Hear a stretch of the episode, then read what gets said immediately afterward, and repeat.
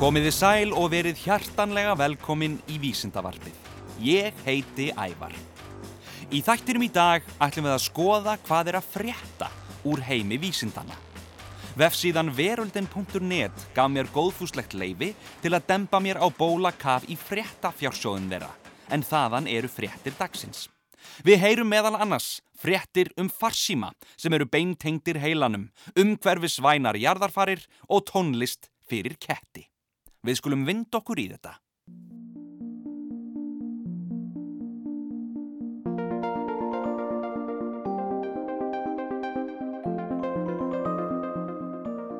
Það sem áður var skemmtileg hugmynd vísindaskáldsögu eins og svo oft áður er nú orðið að veruleika.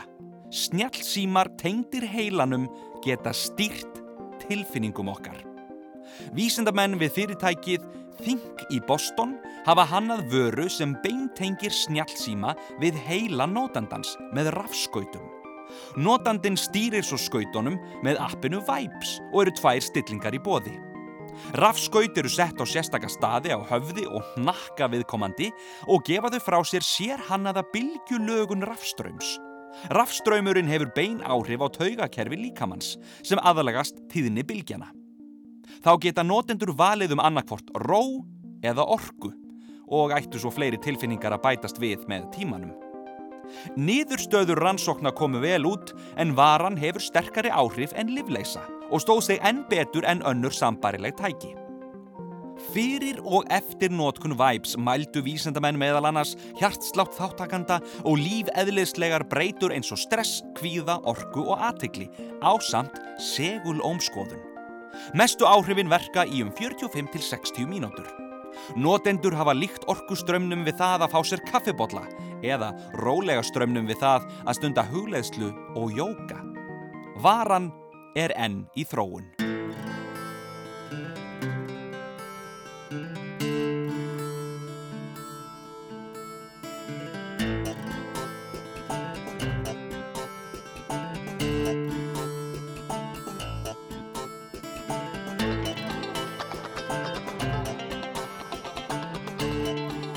Þá skulum við skoða umhverfisvænar líkistur. Líkamar okkar eru síur fyrir hundruði eiturefna sem losna í jörðina erfið degjum. Aðferðir við varðveislu líkama geta einnig verið skadilegar umhverfi okkar á samt mikillir sóun á efni við líkista sem notaður eru í nokkra daga. Hér koma tvö frumleg svör við þessu vandamáli. Annars vegar sveppabúningur sem endurvinnur þig fyrir jörðina og hins vegar fræbelgur sem breytir þér í tré að eigin vali. Sangkvæmt sjúkdóms eftirlitsmiðstöð bandaríkjana eru um 219 eiturefni í líkamannum. Þar á meðal rótvardarefni, skortira eitur, þungamálmar eins og blí og kvikasilfur úr tannfyllingum. Einnig eru varasamar aðferðir notaðar við varðveislu líkama sem til dæmis þarf að flytja langar vegalengdir en í mörgum löndum hefur það farið skánandi með tímanum.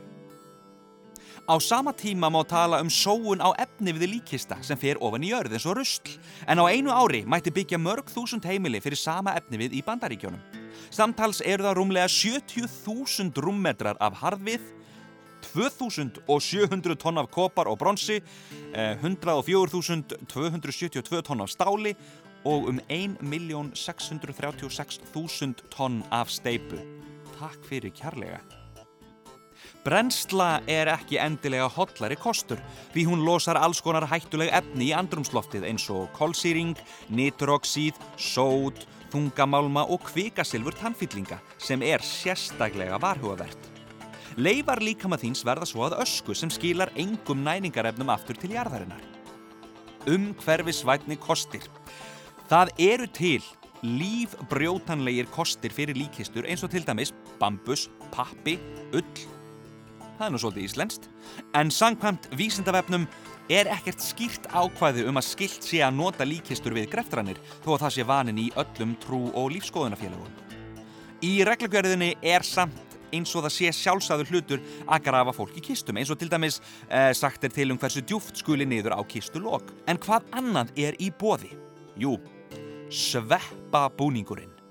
Listamæðurinn Jai Rim Lee frá Suður Kóreu hefur unnið að því með The Infinity Burial verkefninu að fá fólk til að sætta sig við dauðan og taka ábyrð á síni eigin byrði á jörðina og umhverfið. Hún segir okkur bæði ábyrg og fórnarlömp eigin mengunar. Hún leitaði til sveppa sem eru mistarar niðurbróts og endurvinnslu lífrætna efna í náttúrunni. Hugmyndin hennar var að þjálfa her af sveppum sem myndu brjóta okkur niður, endurvinna eiturefni sem í okkur eru og flytja næringarefnin til róta plantna. Til þess hefur hún hannað búning með þráðum af sveppagróum af sérvöldum tegundum sveppa. Hún hefur sapnað af sér hári, húð og nöglum og rannsakað hvaða tegundir sveppa hafa bestu list á sér ásamt því að gera tilraunir á útrunnu kjöti og þeim sem gáfu líkið af sér til góðgerðamála eftir andlátt. Gallin átt að koma markað í april 2016 og átt að kosta 999 dali sem eru um 10% af því sem venjuleg jarðarför kostar fólk að meðatæli. Það er því alveg hreinu, fólk hættir ekkert að reyna að græða á þér þótt þú sért áinn. En það er ekki eina umhverfisvæna hugmyndin.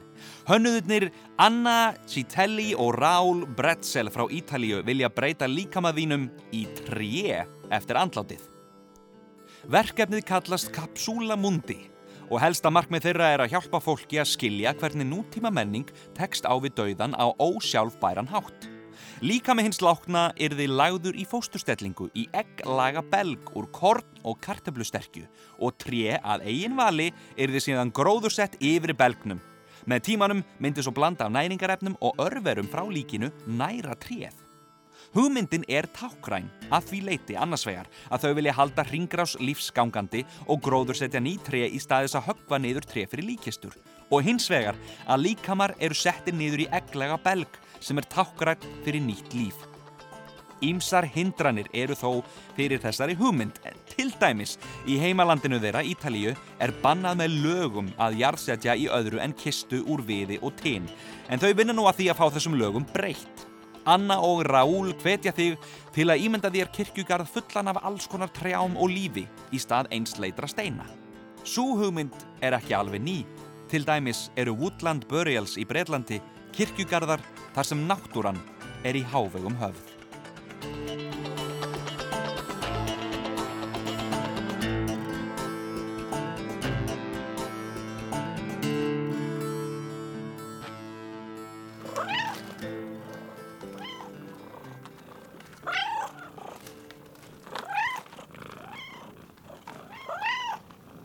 Yfir í næstu frétt. Kettir sína nú tónlist meiri áhuga. Kettir eru farnir að sína tónlist meiri áhuga en Charles Snowdon, sálfræðiprofessor við háskólan í Wisconsin-Madison, hefur á samt teimi sínu samiði sérstakka tónlist með tilliti til skinjunar katta. Kettir heyra hljóðbylgjur frá 45 Hz og upp í 64.000 Hz á meðan maðurinn heyrir frá 20 til 20.000. Því vildu þeir skapa lag með viðigandi tónhæð fyrir ketti. Þeir vildu líka hafa takt sem væri aðlaðandi fyrir ketti og byggu hann til meðal annars úr mali og svo höfðu þeir takt úr munnhljóði sem læður gera þegar þar hjúgra kettlingunum sínum. Rannsókn á 47 köttum síndi að þeim fannst kattatónlistin mun meira aðlaðandi en klassisk tónlist. Það síndu þeir með því að bregðast fyrr við tónlistinni á jákvæðan hátt eins og að mala, lappa að hátalaranum og nutta sér við hann. Við skulum heyra smá dæmi af þessari kattatónlist en fyrir frekari upplýsingar um þetta merkilega verkefni má heimsækja musicforcats.com Við skulum heyra kattalægið.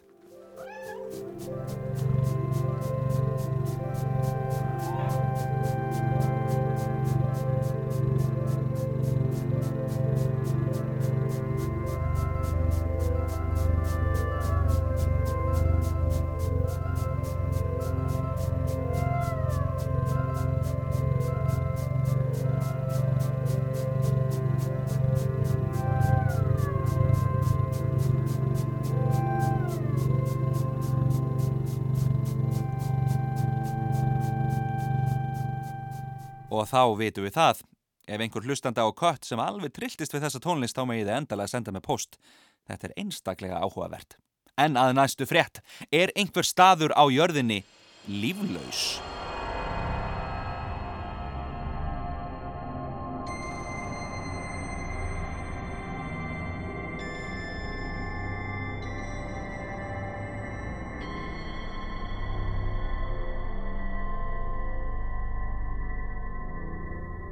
Líf virðist þrýfast í nær öllum öfgafylstu aðstæðum sem við getum ímyndað okkur á jörðinni. Hiti, kuldi, þurkur, geislun og þrýstingur. Eitthvað af þessu í miklu magni myndi eiðilegja flest líf en sífelt finnast lífverur sem hafa aðlagast og eru þar á heimavelli. Byrjum á hita. Maurar í Sahara-eðimörkinni koma út á daginn í um 60 gráðu hita til að sækja hræð þeirra sem farast í hitanum. Þeir þurfa þó að hafa mjög hraða fætur svo þeir brenni sig ekki, eins og maturinn sinn. Það er þó frekar svalt fyrir Geogemma barossi, einfruma fornbakteríu sem fannst í neðansjávar hver í Kirrahafinu. Hún lifir af 130 gráður á Celsius en henni líður best í 121 gráðu. Skoðum kulda. Á norður skauti finnast rauðar bjöllur sem lifa af kulda niður í alltaf 40 gráður en til þess framleiða bjöllunar meðal annars prótein, antifrís prótein, eiginlega svona eins og frostlög og glíseról sem verðar fyrir myndun ískristalla í blóðinu. Skoðum þristing. Á botni Kirrahafsins er þrýstingurinn gríðar mikill, um þúsund sinnum meiri en þrýstingurinn sem við þekkjum á yfirborði jarðar. Þar þrýfast alls konar bakteríur meðal annars Halomonas salaria en hún lifir ekki af minni þrýsting en þetta. Skoðum þurrk. Atacama eðimörkin í Chile, eitt þurrasti staður jarðarinnar, getur skort regnvatn í alltaf 50 ár. Þrátt fyrir það þrýfast forn bakteríur innan um hólur steina í þeim örlittla raka sem þar geimist. Út frá þeim og þeirra úrgangi sprettur svo heilt samfélag alls konar bakteríja sem dvelja í steinunum. En sigurvegarinn í þessari upptalningu allra segasta lífvera sem fundist hefur á jörðinni er án Eva, Bjarn Maurin. Hann lifir af hitastig frá mínus 272 gráðum á Celsius og upp í 151 gráðu á Celsius og allt þar á milli. Hann þólir þurrk, geyslun og meiri þrýsting en finnst á jörðinni sem er ótrúlegt. Ekkert verðist eiga róð í bjarnmaurin.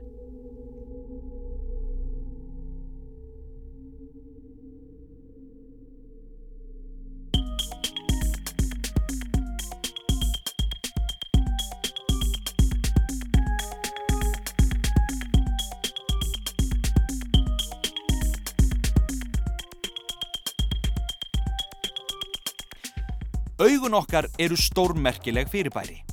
Ótrúlega fallegir, floknir og sérhæfðir ljósnemar sem við fæðumst með. En þau eru ekki fullkominn. Þau veikjast með aldrinum og ertingu og síkingu fylgir oft mikill sársauki. Ítalska líftæknis brotafyrirtækið MHOX ætla nú að hanna lífprentanleg gerfi augu með skemmtilegum viðbættum eiginleikum en ekki hvað.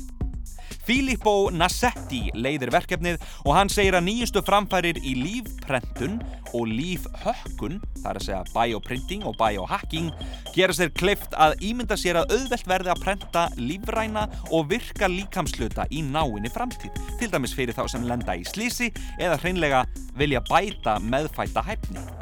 Lífprentarar eru nú þegar farnir að geta prentað eiru, æðar og nýru en augað er örlítið floknara líffari að prenta. Verkefnið kallast Enhance Your Eye eða E-Y-E-I, auga. Nasetti sér fyrir sér þrjár tegundir gerfiaugna. Fyrsti valmöguleikin er einfalt gerfiauga sem hugsaðir fyrir þá sem skortir sjón frá fæðingu eða vegna sjúkdóms eða áverka.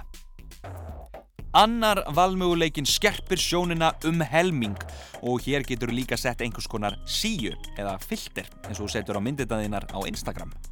Þú breytir í svartkvítt eða kannski örlítið svona rauðari stemmingu eða kannski bláan lit með því bara að gleipa pillu. Þriðji valmöguleikin er sá háþróaðasti. Hann hefur alla möguleikana sem við höfum talið upp En svo bætist við að þú getur tekið myndir og myndbönd í gegnum augað. Takk fyrir kjallega. Og það er að sjálfsögðu net í auganu svo þú getur deilt myndunum samstundis. Hvernig ætlaði það að tengja þessu augu? Jú, til að nota gerfi augun þá þarf að fjarlæga upphaflegu augun með aðgerð og tengja sér hannaða sjónu við sjóntaugina sem sendir skilabót til heilans. Uh, þar eftir verður hægt að skipta um augu án aðgerðar, til dæmis ef þú ert með típu nr. 1 og vilt skipta yfir í típu nr. 2, þá bara tekur þú út og setur í án þess að fara í aðgerð. Og hönnuðir spá því að varan verði komin á markað árið 2027. Ég veit satt best að segja ekki alveg hvort að ég myndi fá með þessi. Ég veit það ekki. Örglega einhverjir samt.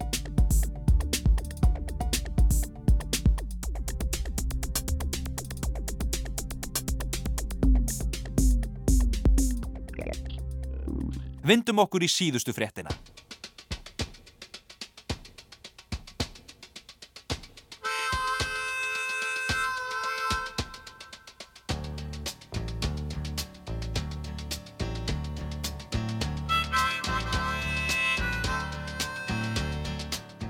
Þetta er gömul frétt frá árinu 2015. Uppfinningaverlun ársins 2015. Flugbíl. Flugbíl Stefan Klein og Júrak Vakulík hjá Aeromobil fengu nýlega verðskulduð uppfinningaverlun fyrir flugbíl.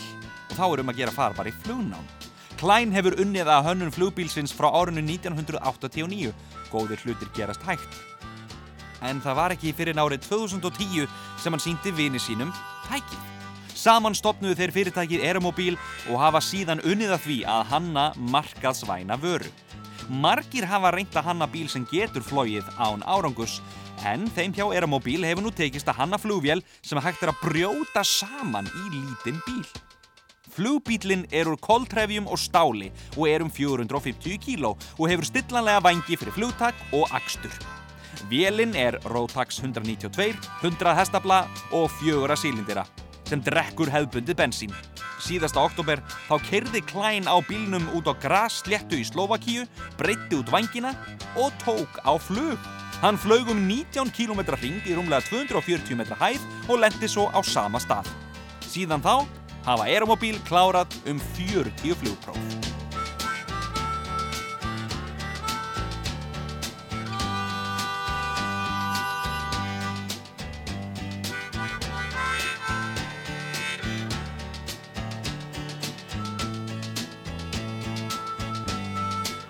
Þá er þessum sérstaka fréttaþætti af vísendavarpinu lokið. Ég vil þakka vefsíðunni veröldin.net sem gaf mér góðfúslegt leifi til að lesa upp fréttinnar og um leið minna á vefsíðu þáttarins krakkarúf.is skástrygg ævar. Þetta er ævar vísendamadur, yfir og út.